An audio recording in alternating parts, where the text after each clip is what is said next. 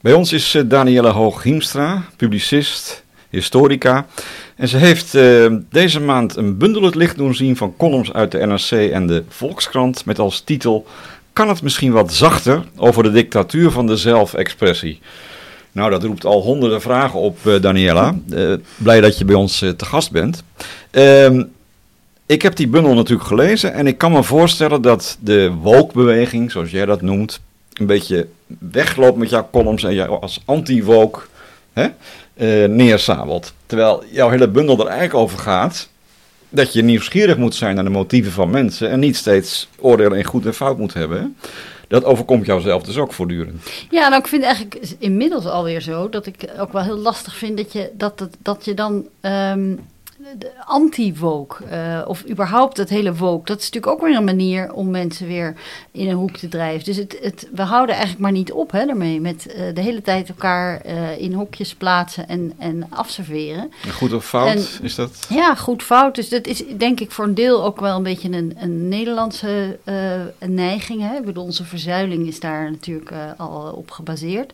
Um, maar uh, wat, het, wat toch wel het jammere vind ik is de laatste tijd, is, is ook als je het vergelijkt met, met uh, hoe dat, uh, nou ja, laten we zeggen, in de vorige eeuw was.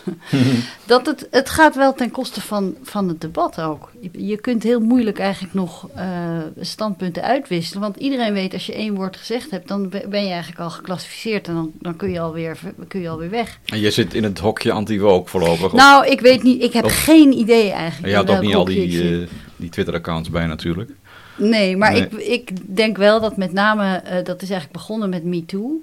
Uh, toen, uh, ik zag daar weer zo'n soort golf aankomen. En eigenlijk altijd als ik een golf voel, dan heb ik altijd onmiddellijk de neiging om, om dan juist naar de andere kant te gaan. Dus ehm, ja, ik, ik, in die tijd gold ik denk ik wel als een, als een soort, ja, dat, misschien moet je dat dan anti-woke noemen. Anti-feminist? Of, of anti-feminist, ik weet niet wat. Maar in ieder geval... Um, ja, zet ik toch wel kanttekeningen bij, bij de, de, de af en toe hysterische vormen die dat Ja, ook in de bundel las ik dat niet elke uh, vorm van uh, misschien ongewenst seksueel contact tot, nou dat zeg ik eigenlijk al verkeerd, maar niet elke aanraking tot een trauma hoeft te leiden hè, bij een vrouw. Ja, ja precies. nou ben ik misschien heel ongenuanceerd, maar nou, dat komt ik vind dat mee. niet zo ongenuanceerd nee? eigenlijk, nee. nee. Nee, uh, dat, ik bedoel, het is geen uitnodiging voor mannen om ongewenst aan, aan, vrouwen te gaan zitten. Maar er is natuurlijk gewoon in het verkeer tussen mensen en vrouwen. mensen en vrouwen, sorry, mannen en vrouwen. Dat gaan we al. gebeurt natuurlijk van alles. Er, de, de, alsof er zoiets zou zijn als een soort van zuivere omgang. Ja. dat bestaat helemaal niet. Dus. Um, maar goed, dat is dan natuurlijk ook weer iets heel anders dan wanneer er op een gegeven moment geweld. Uh, dan dan Ja. kom je in een heel andere. Dat is de grens, hè? eh, ja. Ja. Nu hadden wij in het voorgesprek er al even over dat het bij die hele eh, woke, anti-woke, feministen, et cetera, het, het afrekencultuur, eh, het gebrek aan nieuwsgierigheid eigenlijk de rode draad is. Hè? En je hebt ook vastgesteld dat het bij journalisten zo is. Nou, dat kan ik uit eigen waarneming ook wel bevestigen, want ook journalisten willen vaak wit, zwart, voor of tegen, hè? want dat moet in een krantenkop kunnen. Uh, nou las ik uh, deze maand een interessant voorbeeld van jou in een nieuwe column in de NRC over de Ja, dichter... het is geen column, hè? Dit was een, Nee, een soort essay, ja, ja, sorry. Ja. Ehm, over de dichter Lucebert. Mhm. In 94 geloof ik overleden. Wordt toch algemeen als een van de 50 gezien de topdichter van Nederland. Mhm. Maar ook al bekend was dat hij in de jaren 40 eh, fascistische sympathieën had. Zelfs, dacht ik, in dienst is getreden bij de SS of... Eh, oh, dat we- weet ik Ja. eigenlijk niet. Eh, wat, dat denk ik eigenlijk. dat- Nou, dat weet ik gewoon Nee. Eh, Maar ja. in elk geval, er lagen al een, een hele tijd een aantal brieven en die is door de familie vrijgegeven. Mhm. Waaruit inderdaad bevestigd wordt dat hij aanhanger was van het fascisme. Althans, daar tot, ik meen, 43 eh, heel veel goede dingen in zag. Ehm, en, en nou is de discussie, ben je voor of tegen het verbannen van Lucebert van gevels of uit bibliotheken, toch? Nou ja, er was dus eigenlijk al snel op dat eh, de, Toef van NRC, die had dus daar eh, een stuk over geschreven. Die had dus weer uit die brieven eh, geciteerd.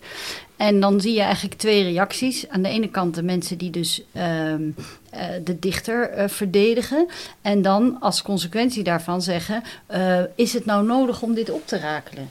En uh, waarom moet je zo uh, twee grote pagina's wijden aan de jeugdzonde uh, van zo'n fantastische dichter? Dat is de ene kant. En de andere kant, het was de eerste ingezonden brief, stond al meteen in de krant. Van iemand die zei: nu onmiddellijk de Lutjebert School de naam veranderen. Dus daar zie je precies eigenlijk die twee polen. En wat daar dus onder leidt, onder die, onder die soort polarisatie, dat is de vraag die mij dan weer interesseert waarom was Lucebert eigenlijk fascist? En wat uh, trok hem nou aan in die, in die, uh, die idealisering van, van, het, van het Arische ras? En uh, waarom, want er waren, zijn ook tekeningen van hem waar je ziet, dat is zo typisch dat, dat nazi-achtige soort die lichamen, weet je, die grote gespierde mannenlichamen. wat was er zo aantrekkelijk aan? En dat die vraag stelt verder niemand, hè? Die, die vraag stelt niemand. En op zich begrijp ik wel dat um, de, de Holocaust is natuurlijk zo'n trauma geweest voor, voor iedereen, maar zeker voor de mensen die daar uh, familie verloren hebben. Dat je natuurlijk niet kan verwachten dat in de eerste jaren na de oorlog er ineens zoveel. dat we nog eens even lekker gingen uitzoeken van. Goh, wat, wat vonden die mensen nou zo mooi aan het fascisme? Maar inmiddels zijn we bijna een eeuw verder. En merk ik dat, dat het dus kennelijk nog steeds niet mogelijk is om, uh, ja, dat, dat, dat dat nog steeds een soort uh, wantrouwen eigenlijk oproept. Als je je dus interesseert voor waarom mensen dat mooi vonden. Jawel, in, in Frankrijk speelt, speelde hetzelfde met Céline. Topschrijver, reis naar het einde van de nacht, dood op krediet. Een, een verschrikkelijke antisemiet.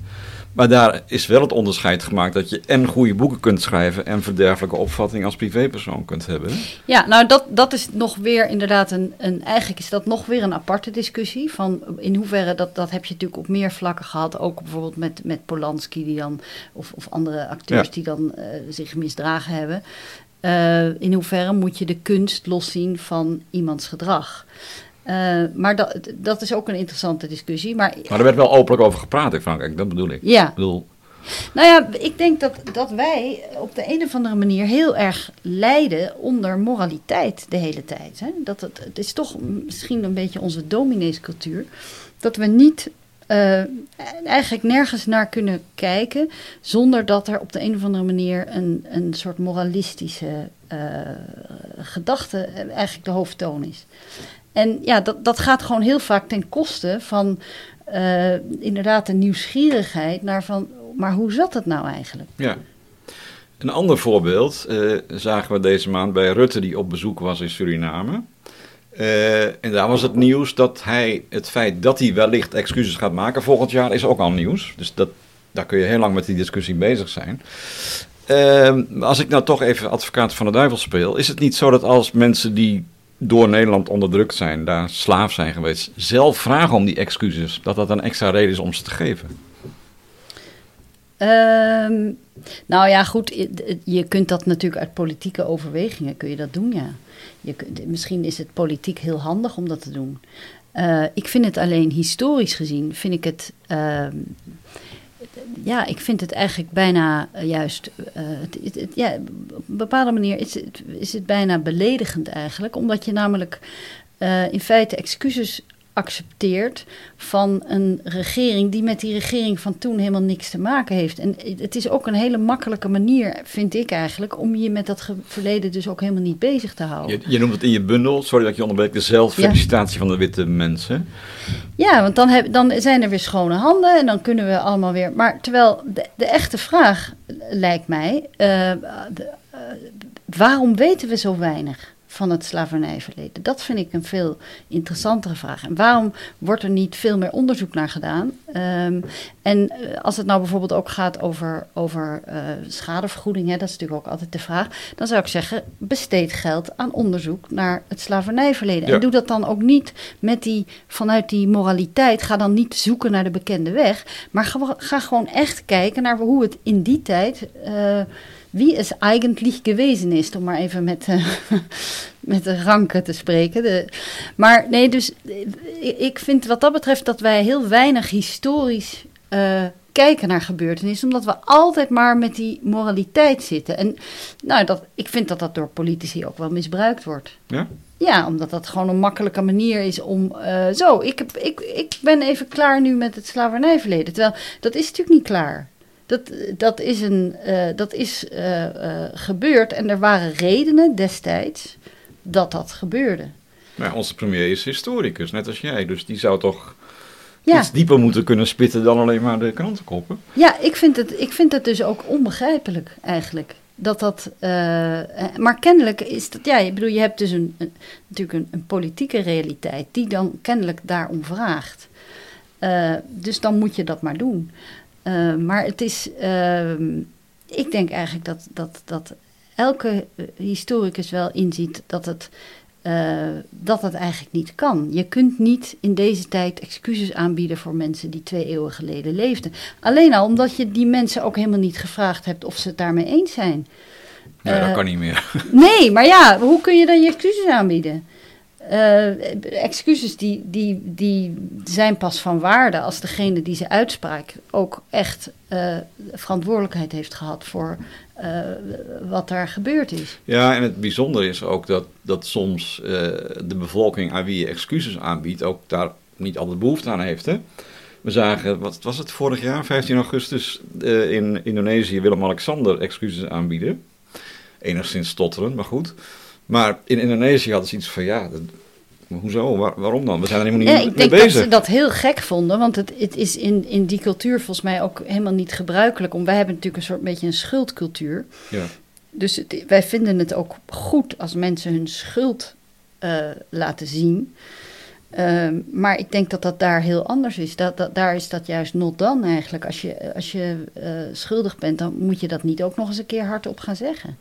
Maar aan de andere kant ben je ook een eh, kind van de verlichting, zeg je zelf. Dat zijn we allemaal. En ook wel een fan van de verlichting. Maar een van die verlichtingsidealen was toch ook die zelfreflectie. Kritisch zijn op je eigen handelen, et cetera. Of is dat... Ja, nou, ik, ik moet zeggen, ik worstel wel een beetje met die, eh, als we het nou over identiteit hebben. Dat ik weet dat ik, je, je, je, je- ik denk wel dat ik het ook een beetje, ik heb ook wel iets van een dominee in mij. Ik heb Mhm. ook altijd wel, ik ben ook altijd wel, eh, eh, ja, die eigen verantwoordelijkheid, zelfreflectie, over jezelf nadenken. Van heb ik dit goed gedaan? Dat zit ook wel in mij. protestants opgevoed of katholiek? Of... Nou, nee, eigenlijk geen van beide. Oh, geen maar van ik, beide. ik heb wel een beetje gezocht, ook in mijn verleden, van wat waren wij nou eigenlijk? Maar daar zit, er veel, daar zit veel doopsgezindheid ook in. en dat is volgens mij wel, dat, dat, dat was een hele, ehm, ja, aan de ene kant eh, hele liberale eh, stroming. Aan de andere kant met heel veel nadruk op de eigen verantwoordelijkheid. En dus ook wel eigenlijk een hele, hele sterke morele drang om het allemaal goed te doen. Ik ben al schuldig als ik geboren word, bij wijze van spreken. Nou, nee, ze wilden juist eh, daar een De beetje van af, ze denk vanaf, ik. Ja, Maar- maar- ja. Ja. Maar, Maar, ik bedoel, die kritische zelfreflectie, daar, daar heb je dus eigenlijk ook zelf wel last van, dat je, dat je daar soms mee worstelt. Ja, nou, ik heb ook op een school gezeten, hè, dat, de Kees Boekenschool. Daar heb ik, een- ik heb een biografie geschreven van Kees Boeken. Die is trouwens ook... Even uitleggen in Beeldhoven. Ja, ook de favoriete school, dacht ik, van de kinderen van Juliana. Ja. Beatrix en Irene, et cetera. Ja. Ja, nou, en dat, dat is wel een school die daar heel erg in, eh, in eh, eh, hoe noem je dat? Grossiert. grossiert. Ehm, dus aan de ene kant hele grote vrijheid eh, voor iedereen, maar ook altijd wel een soort heel erg eh, een soort eh, ja, wolk boven je hoofd van heb je wel goed nagedacht over of dit wel wat jij gedaan hebt, of dat eigenlijk wel kan en of het wel goed is en of je iemand anders geen kwaad gedaan hebt. Dat, dat, was lijkt me daar altijd. uitgangspunt, toch? Ja, nou ja, maar die, dus je kunt zeggen dat die, eh, als je dat even vergelijkt met het, met het echte tegendeel, hè, wat denk ik, ik denk dat het katholicisme is hier een, een soort rechtstreekse tegenpol van, dat je dus die verantwoordelijkheid niet zelf hebt, maar dat, dat eh, de kerk dat eh, zegt. En de kerk ook bepaalt of je wel of niet eh, je zonde vergeven worden. Of het kan afkopen met een aflaat. Precies. Ehm, dan is toch die, die eh, eh, eigen verantwoordelijkheid, ja, dat kan best wel zwaar wegen. Dat, Ja. ja. Even terug naar die identiteitspolitiek. In een van je eerste columns in het boek zeg je... het kind Emile, dat is het beroemde kind uit uh, het, pedagogisch verhaal van Rousseau... de Franse verlichtingsdenker. Toch een beetje de basis van onze grondwet, de mensenrechten, et cetera. Uh, dat kind Emile is een verongelijkte puber geworden. Dat vond ik nogal een uitspraak. Wat is er dan in twee eeuwen met ons gebeurd? Want we denken dat we het met de democratie en de mensenrechten en alles klopt op papier en dat we het toch redelijk voor elkaar hebben. Ja, nou ja, Emiel is natuurlijk geschreven in een tijd dat dat, dat, dat uh, eigenlijk dat anti-katholieke op zijn hoogtepunt was. Het, was. het was het moment waarop dus de, de, de, de katholieke kerk echt langzamerhand zijn, zijn, zijn echte macht verdween. En er dus heel veel geloof ontstond in dat individu. En Rousseau heeft dus dat boek geschreven over Emile. Dat was eigenlijk zijn um, uh, een soort fictieve opvoeding mm. van een jongetje die dus Emile heette. En die ging hij opvoeden tot de ideale mens. En uh, dus Emiel die, um, die uh, is heel veel in de natuur, dat is heel belangrijk. Uh, hij moet plantje, dingetjes planten, zaadjes planten en dan ziet hij dat er iets uit groeit. En tegelijkertijd krijgt um, dus Emiel krijgt heel veel vrijheid. Maar tegelijkertijd leert hij ook um, op een soort organische manier eigenlijk. Nou, dat hij ook verantwoordelijkheden heeft. Nou, dat laatste uh, is natuurlijk het probleem. Is een beetje weggezakt. Of nou niet? ja, dat was eigenlijk bij Emiel al het probleem. Want eh, eigenlijk, dan, dat herken ik dus ook wel een beetje van die werkplaats van Kees Boeken. Eigenlijk is die, je ziet ook al in dat boek dat die vrijheid van Emiel, die is toch ook wel beperkt. Want intussen heeft de schrijver van het boek eigenlijk best wel heel duidelijke ideeën over eh, wat dan de ideale manier is waarop dat jongetje moet opgroeien. Ja, ja. Dus uh, die vrijheid die, die bestaat eigenlijk ook niet helemaal. Maar goed, uh, als we je nou vraagt van wat is er nou met ons gebeurd en, en waarom zijn wij verongelijkte puber, dan denk ik wel dat gewoon uh, het misschien een beetje is tegengevallen. Uh, hoe goed wij met die vrijheid kunnen omgaan. En dat, dat dus die, die vrijheid uh, ja, heeft geleid tot een nogal egocentrisch en uh, grenzeloze mens. die die ja, eigenlijk zijn eigen wezen steeds meer wil hoe noem je dat, extrapoleren naar het collectieve. Dus als iets voor jou zo is, dan moet dat ook voor het hele land zo zijn. En dan is dat het beste voor iedereen. En ben je dan ook weer bij de identiteitspolitiek? Ja, nou ja, ik, ik denk het wel. Want het, het, die identiteitspolitiek, daar zie je dat natuurlijk ook. Dat, dat um, als iemand zelf iets ervaart. Uh, dan moet dat eigenlijk een, een, een, collectieve kwestie al heel snel worden. Dus, Heb je daar een voorbeeld van? Nou ja, het is een beetje een platgetreden pad, maar het is wel een goed voorbeeld. De, de genderneutrale wc bijvoorbeeld. Ik, ik bedoel, 99,5% van de mensen is daar niet mee bezig. Maar er is een kleine groep uh, die daar heel erg mee bezig is. En dus zie je ineens van, oh, er is een genderneutrale wc. Ja, dat, dat wordt dan dus afgedwongen. En het is denk ik heel moeilijk kennelijk om uh, daar uh, tegenwicht tegen te bieden. Want ja, dat, als je zegt dat mag jij niet, dan kom je aan de vrijheid. En ja, dat hebben we natuurlijk, uh, dat is toch een waarde inmiddels die we zo belangrijk vinden. Dat het, het individu is natuurlijk toch een beetje heilig geworden. Ja. Dus... Ja, wat je ook in de, in de columns van, van Siep en Opinia's Week wel hoort, is dat de overheid dat ook geïncorporeerd heeft, hè, die inclusiviteit. Ik begin nu een hele ingewikkelde zin te maken, maar ja. ik zal een voorbeeld geven. Uh, ik heb uit eigen ervaring gemerkt dat als je een aanbesteding doet bij de overheid, dus een overheidsopdracht mm -hmm. wil binnenhalen, dat je 3% van het budget tegenwoordig aan inclusiviteit moet besteden. Dus dat je bijvoorbeeld mensen met een handicap inhuurt, of mensen van kleur, of zonder dat het zo genoemd wordt. En ik bedoel, ik, ik heb daar op zich niet zo'n veel moeite mee. Maar het viel me wel op dat dat dus in de regelgeving alles is vastgelegd. Anders krijg je die klus gewoon niet. Ja. Dus dat, ja. wat, wat vind je daarvan?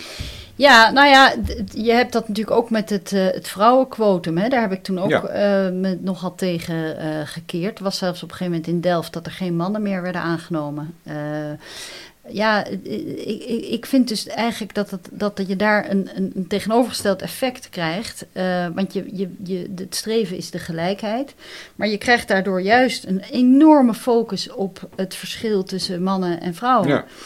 En ehm, ik denk ook dat ik vind het een soort ongeduld ook. Hè? Ik bedoel, het is natuurlijk zo dat, dat het, eh, de emancipatie van vrouwen die, die is nog niet helemaal klaar. Er, er zijn echt nog wel dingen die nog moeten gebeuren. Maar ik, ik vind dat je soms dingen ook een beetje zelf eh, moet laten eh, gebeuren. Dus ik ben er eigenlijk van overtuigd dat eh, als er meer geschikte vrouwen komen, dat ze dan vanzelf echt wel daar in die raden van bestuur eh, eh, belanden. Ja. Dus het is, het is, daar heeft het ook wat mee te maken. Een soort ongeduld van het moet allemaal nu en meteen en we moeten maatregelen. En ja, Ja, je- het grappige is, in je, in je boek zeg je ook op een gegeven moment, het gaat dan over Sigrid, Sigrid Kaag. mhm. Ja, die blijkt net zo'n keiharde te leiden te zijn als haar collega's. Dus dat Ja. hele onderscheid is ook eh, een beetje arbitrair natuurlijk tussen man en vrouw. Ik bedoel, Nee, en dat idee dat ook vrouwelijk leiderschap, dat vind ik zo'n dubbelheid. Dan, aan de ene kant is het van ja, man en vrouw moeten gelijk zijn en vrouwen moeten ook in die functies. Maar en dan aan de andere kant wordt dan ineens heel erg geïdealiseerd over wat dan een vrouwelijke leider, die zou dan zo gevoelig zijn en zo lief voor de mensen en zo. Terwijl nee, dat, dat, op die niveaus zijn dat natuurlijk net zulke uh, machtswellustelingen als de mannen. ja. Uh, dus uh, ja, dat is ook niet verkeerd, maar je moet het ook niet gaan, gaan idealiseren. Maar je bent dus ook niet mee eens dat, ik geloof, 30% van de raden van commissarissen bij grote bedrijven moeten straks uit vrouwen bestaan. Hè? En als een functie is, die, die wordt dan net zo lang leeggehouden tot er een vrouw is gevonden, tot het quotum is bereikt. Ja, maar ik vind het getuigt van zo weinig vertrouwen eigenlijk in uh, ja. wat, wat ik zelf om me heen gezien heb met, met vrouwen en hoe die in, in uh, belangrijke functies terechtkomen, is dat het echt vanzelf gaat. Het is toch vrij snel duidelijk ja, wie op een gegeven moment geschikt is voor ja. iets. Zeker als het gaat om dat soort hele hoge, uh, belangrijke functies. Uh, dat is natuurlijk ook wel grappig. Je hoort eigenlijk nooit over het vrouwenquotum bij de, bij de schoonmaakbedrijven of bij de, bij de plantsoenendienst. Daar werken of, genoeg uh, vrouwen, toch? Tenminste, bij schoonmaakbedrijven nou, wel, dacht ik. Oh ja, nou ik bedoel, ik zit meer aan de gemeente schoonmaken ja, ja. zo te denken. Dan zie ik altijd mannen en denk ik, goh, dat is eigenlijk wel grappig dat je daar, dat, dat, dat, daar hoeft het dan niet of zo. Maar waarom is dat dan, denk je? Nou, omdat dus vrouwen dat gewoon minder goed kunnen, denk ik, of minder willen vooral. Uh, en ik denk dat dat in die grote bedrijven ook uh, tot nu toe uh, zo was. Dat er gewoon niet genoeg vrouwen zijn waar je, die, die, die daarvoor. maar dat komt allemaal wel. ik denk dat dat in de volgende generatie alweer heel anders wordt. Ja, dat hoef je niet af te dwingen, zeg je. Nee. nee. Um, in, in die hele uh, woke-discussie hè, uh, over het, het slavernijverleden, dat speelt heel erg op dit moment. Um, wat zou nou jouw aanbeveling zijn voor een ander beleid, waardoor het allemaal wat minder gepolariseerd raakt? Want uh, kijk, wat ik bedoel is dit: de motieven van de nazaten van slachtoffers, bijvoorbeeld bij slaven. Uh, je hebt een hele serie in de Volkskrant gehad, mensen die hun verleden opzochten en in de archieven, dat was het heel mm -hmm. emotioneel, hun bedovergrootmoeder tegenkwam, die ja. gewoon voor 10 gulden werd verhandeld. Uh, ben je niet bang dat door jouw nuchtere kijk dat hele slachtofferschap een beetje naar de achtergrond verdwijnt? Of hebben die genoeg vocaliteit om hun stem te laten horen? Nou, ik, ik denk uh, dat eigenlijk de manier om uh, uh, deze kloof te overbruggen is, is toch door kennis. Nieuwsgierigheid. Nieuwsgierigheid. Ja. En ik ben dus heel erg nieuwsgierig daarnaar. Dus ik, ik vind eigenlijk een van de uh, goede dingen uh, van die hele discussie... is dat er inderdaad toch wel wat meer... Je hebt ook dat, uh, dat televisieprogramma, hè, wat... wat ja, op zoek naar je voorouders. Ja, hè, daar of... was toen volgens mij Noralie Beijer een keer. Ja. Uh, dat was ontzettend interessant. En dan, want weet je wat er dan gebeurt? Je kunt je dan namelijk inleven in elkaar. En volgens mij is dat uh, eigenlijk de sleutel. Uh, in plaats van dat je elkaar uh, schuld toedicht en, en, of, of zegt van je moet, je, je moet niet het slachtoffer willen zijn. Gewoon vertel het. Laat zien wat er gebeurd is. En dan wordt namelijk, denk ik, dat moet wel, dat kan niet anders, dat die geschiedenis van de, van de slachtoffers van destijds, wordt ook onze geschiedenis. Want dat is onze geschiedenis. Maar ondaan van schuldgevoel, zeg je. Ja, maar ja. zonder dat je dus uh, inderdaad in termen van schuld en boete gaat. Uh, uh, want ja, je kunt toch niet zeggen dat, dat mensen in deze tijd daar, daar schuld aan hebben. Dat, dat is een belachelijk idee. Het is ook een beetje, het is ook denk ik wat weinig mensen echt zullen voelen hè? bij zichzelf. Ja, ik heb dat zelf ook niet, maar... Ik Nee. denk dan wel, ja, als mensen erom vragen om die excuses, why not? Nou, ik denk dat Of bij wordt daar niet massaal om gevraagd? Nou, ik denk dat bij excuses is, is echt een absolute vereiste dat degene die de excuses aanbiedt het ook echt voelt. Ja. Ik bedoel, denk, als je gewoon al even naar een hele simpele, in, in, in, in je relatie met je man of je vrouw. Wat heb je nou aan excuses van iemand als je ziet hij meent het helemaal niet? En dan doe ik de volgende dag weer hetzelfde. Precies. Ja. Dus, en, en dat vind ik, eigenlijk is dat nog misschien wel mijn grootste bezwaar tegen de excuses. Dat, excuses, dat het zo leeg is. Het is, het is, zo'n, het is een soort symboliek eh, die eigenlijk helemaal niet gaat over waar het over zou moeten gaan. Ja. Nou ben je eh, met een nieuw onderzoek bezig. Er komt eh, ook een boek van over twee broers van de Goes van Naters. Hè? Ja. Twee jonkheren volgens mij. Ja, Eh, waarvan de een politiek leider van de Partij van de Arbeid, of was het toen nog SDAP, was. Hè? ja. Eh, nou, eh, ja, toen nog niet. Hij, nou, hij heeft in de Kamer gezeten voor Ja. de oorlog. En na de oorlog heeft hij ja, eigenlijk allerlei functies. En hij is 100 jaar oud geworden, dus hij is eindeloos geïnterviewd. Het was echt zo'n man die eigenlijk altijd weer gevraagd werd om was dat, hè? Ja, Ja. Marinus van der Goes. Ja. en, en zijn broer? Dan Nou, komt en over zijn broer was dus veel minder bekend. Eh, of eigenlijk bijna niks. Ehm, en ehm, hij eh, eh, dook op in, het, in een boek wat verschenen is over de NSB, de geschiedenis van NSB. Want ik was, om die reden die, waar we het net over gehad hebben, ik begon eigenlijk heel nieuwsgierig te worden naar dat verleden van het fascisme in Nederland. Omdat we hadden eigenlijk voortdurend, er werden mensen voor fascist uitgemaakt. Thierry Baudet, was een fascist, fascist, die was een fascist. Mhm. Eh, dus en ik dacht van, wat, wat was nou eigenlijk dat fascisme in, eh, in die tijd? En dus ik was eigenlijk op zoek naar iemand over wie ik dus een biografie kon schrijven... die een echte fascist was in de jaren dertig. En toen zag ik dus ineens de naam Willem van der Goes... ehm, die eh, in 1936 heeft geprobeerd om een coup te plegen eh, tegen Anton Mussert... De, eh, NSB-leider. leider Ja. van de NSB. En eh, de achtergrond van die coup was eh, dat hij vond eigenlijk dat Mussert niet ideologisch bevlogen genoeg was. Hij vond Mussert een beetje een soort ambtenaar die, die Ja. ja. eigenlijk niet echt geloofde in Ook niet echte... heel charismatisch. Hè? Nee, dus, dus hij, hij miste zeg maar de echte nazi-ideologie eh, bij deze. Dus toen dacht ik, ah, dit is een interessante man. En toen bleek hij inderdaad de broer van de socialist. Dus toen dacht ik, nou, nu heb ik eigenlijk wel mijn onderwerp. Want nu heb ik, eh, ja, over, over Marinus weten we heel veel. Eh, over Willem weten we eigenlijk helemaal Nee. Dus dat ben ik nu aan het uitzoeken. Maar waarom, waarom wordt dat dan zo weggemoffeld? Of is dat niemands schuld dat we dat niet weten? Want het is toch zo ingewikkeld, lijkt me ook weer niet om dit... eh, ik bedoel, met alle respect voor je uitzoekwerk, maar...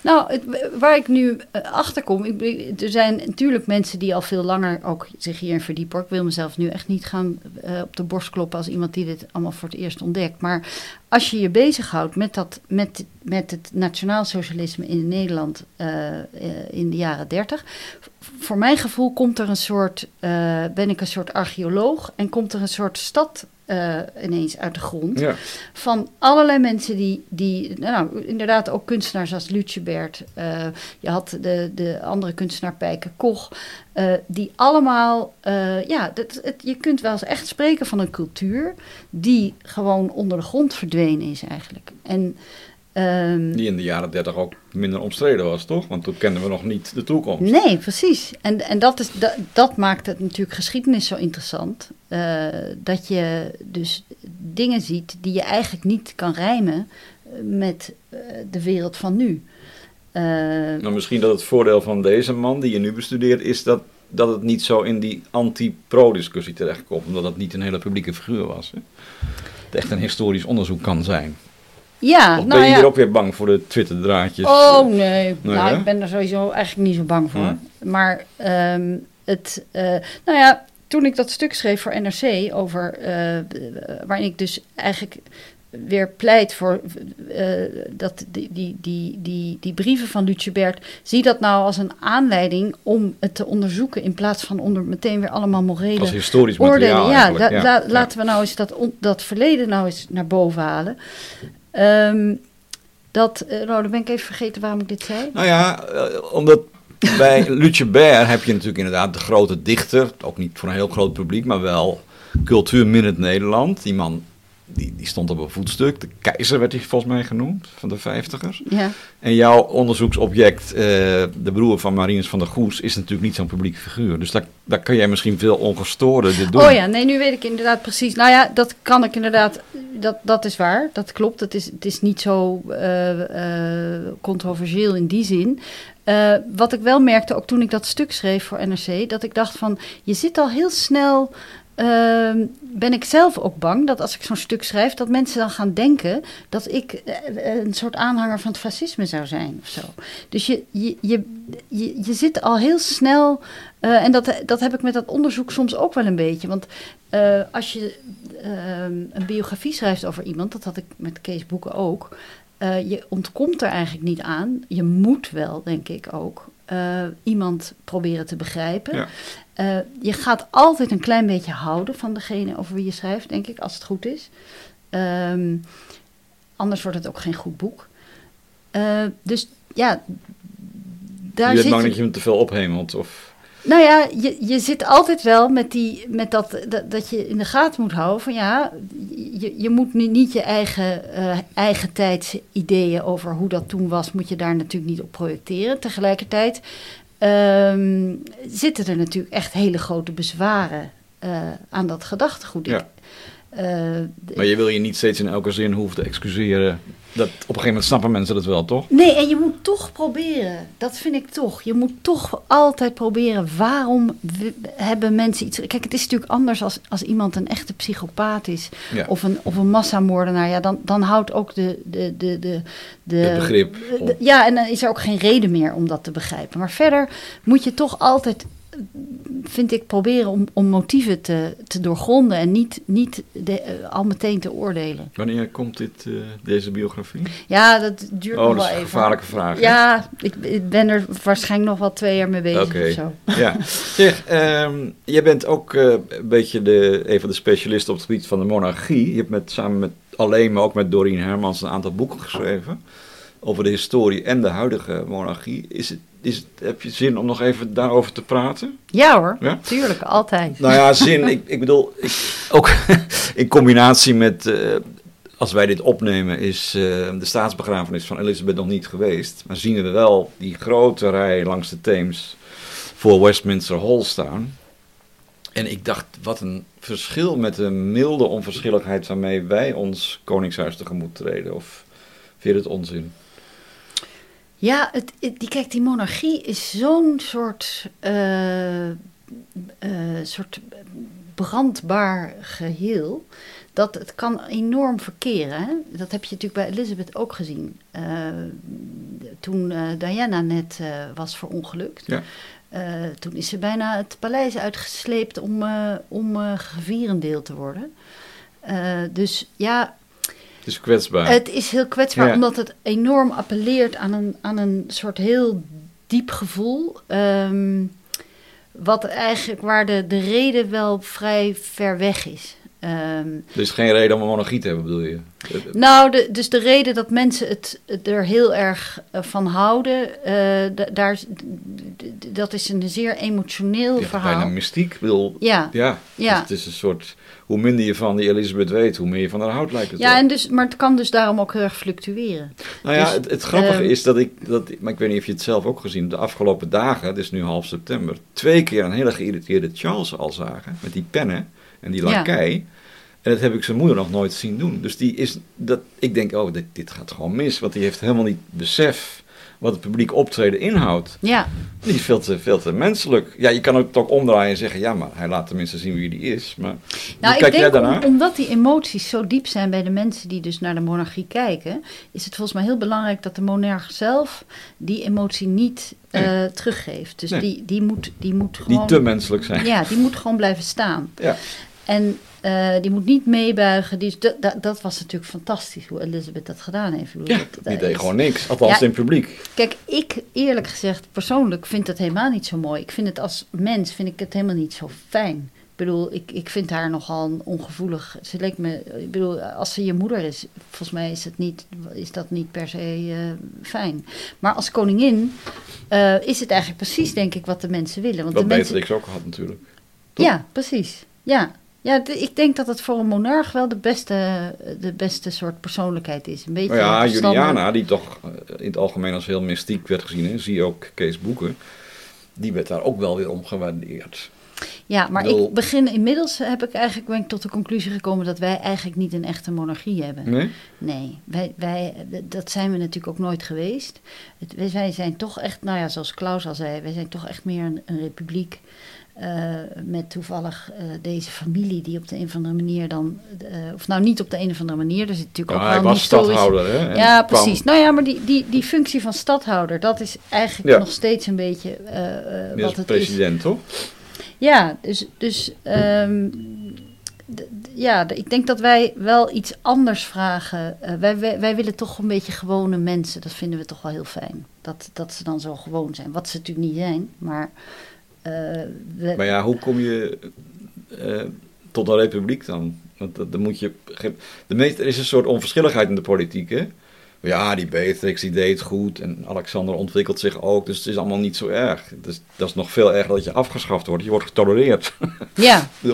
Ja, nou ja, ik denk inmiddels, eh, dat heb ik volgens mij ook in een van de stukjes geschreven, dat, dat ehm, het was heel lang zo dat de burger eigenlijk met een soort van, eh, nou ja, bewondering, maar ook wel een beetje jaloezie naar de koning keek. Zo van, nou ja, weet je wel, eh, leven als een prinses, eh, Ja. als, een, als een koning, dat dat, dat, dat, dat dat een soort ideaal was. Maar ik denk inmiddels dat het zo langzamerhand een beetje aan het omdraaien is, dat, dat je ziet dat die koning eigenlijk met jaloezie naar de burger is gaan kijken. Omdat hij natuurlijk al die vrijheid heeft die hij allemaal niet heeft. Bedoel, Als je nu kijkt naar Amalia, die wil dan heel graag in het centrum van Amsterdam, net zoals alle, eh, of niet alle, maar een heleboel eh, gewone Nederlandse meisjes. laat Eh, haar toelagen ook zitten. ja, en in een studentenhuis. En je wil, Ja. je wil alles, eh, je wil die vrijheid hebben.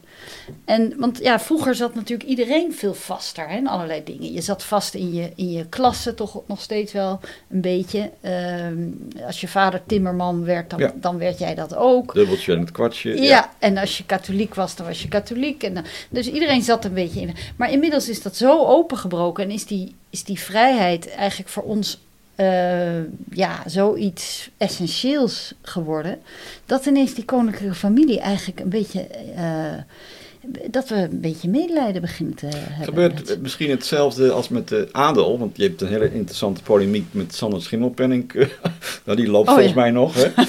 en die verweet jou een beetje dat je niet over ongelijkheid mag praten, omdat je zelf eh, uit een gefortuneerd geslacht komt. Ik formuleer het maar even, toch? Ja, Nou ja, nou. nee, maar eh, god, dan raak ik zelf de draad kwijt. Eh, ja, in, in jouw repliek schreef je hem dat eh, het eigenlijk precies andersom is, want dat de vermogende, de adel, eigenlijk heel verarmd is en stilletjes wegkwijnt. En dat de marketingjongens en de consultants, dus inderdaad van onderop, die hebben het voor het zeggen. Ja. En die verdienen het meest. Ik bedoel, Ja, nou, ik vond dat hij eh, eh, inderdaad een belangrijke schakel eigenlijk was vergeten. In, de- in, eh, hij, hij had toen in die serie hè, van de VPRO. over de kloof. Ja. eh, Ja, dan zien we zijn ouders op, op, op dat kasteel. En dat, dan, dan moet je dus als kijker geloven: oh ja, de adel in kastelen. En Ja. dat is dat.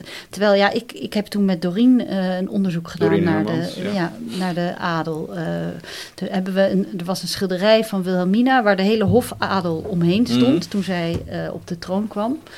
Ehm, en we zijn dus al die nazaten gaan opzoeken. Nou ja, ja, wij kwamen toch op iets heel anders dan hele rijke mensen op kastelen. Wij kwamen eigenlijk meer bij mensen die, die ergens drie hoog achter zaten en hier en daar nog een schilderijtje aan de muur hadden. Maar eh, kijk, het verhaal, historisch gezien, is natuurlijk dat de adel alles kwijt is geraakt.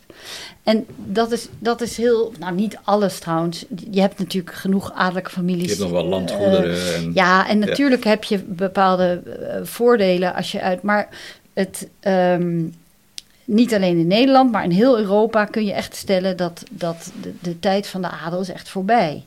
Eh, het individu eh, heeft de adel ingehaald. En eh, ik denk dat als het gaat over eh, gelijkheid hè, en verschillen.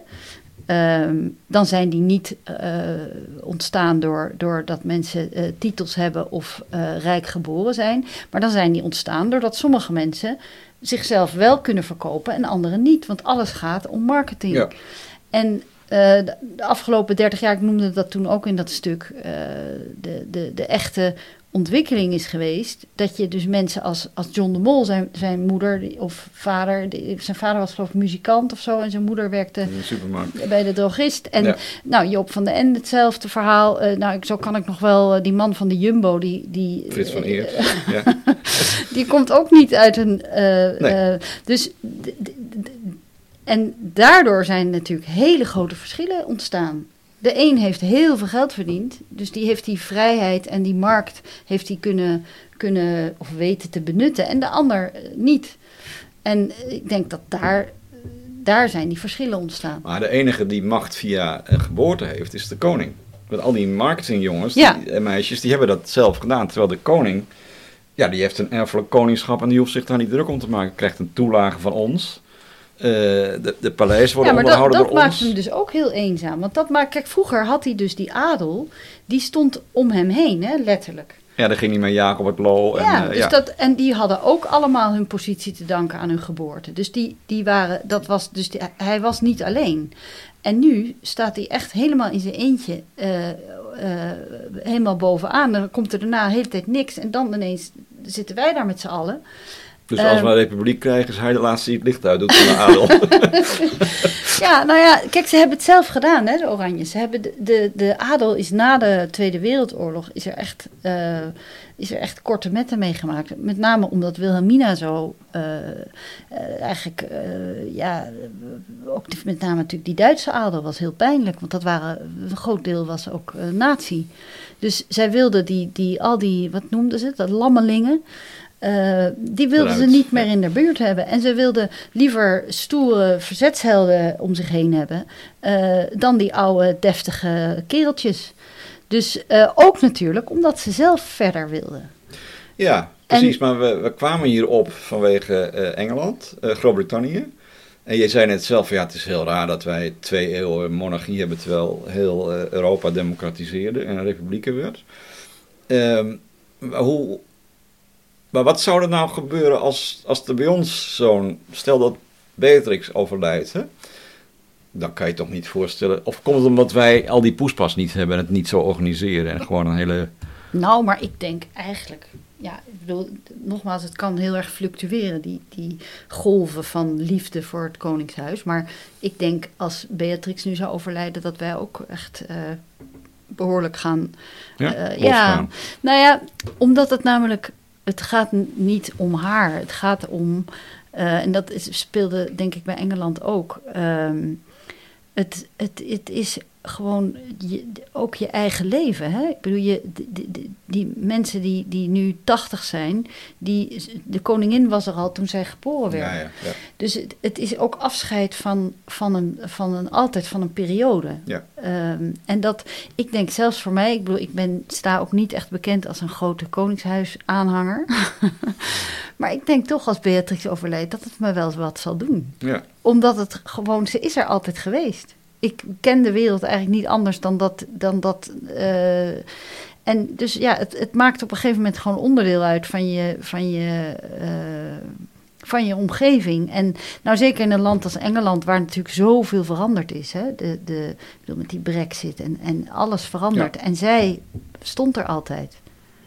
Dus ja, en dat is toch, die, dat zijn soort emoties die, die- ja, die hebben natuurlijk helemaal niks met, eh, met, met de redelijkheid te maken eigenlijk. Want het, het, het is een belachelijk instituut, ik kan niet anders zeggen. Mooie laatste woorden. Dankjewel.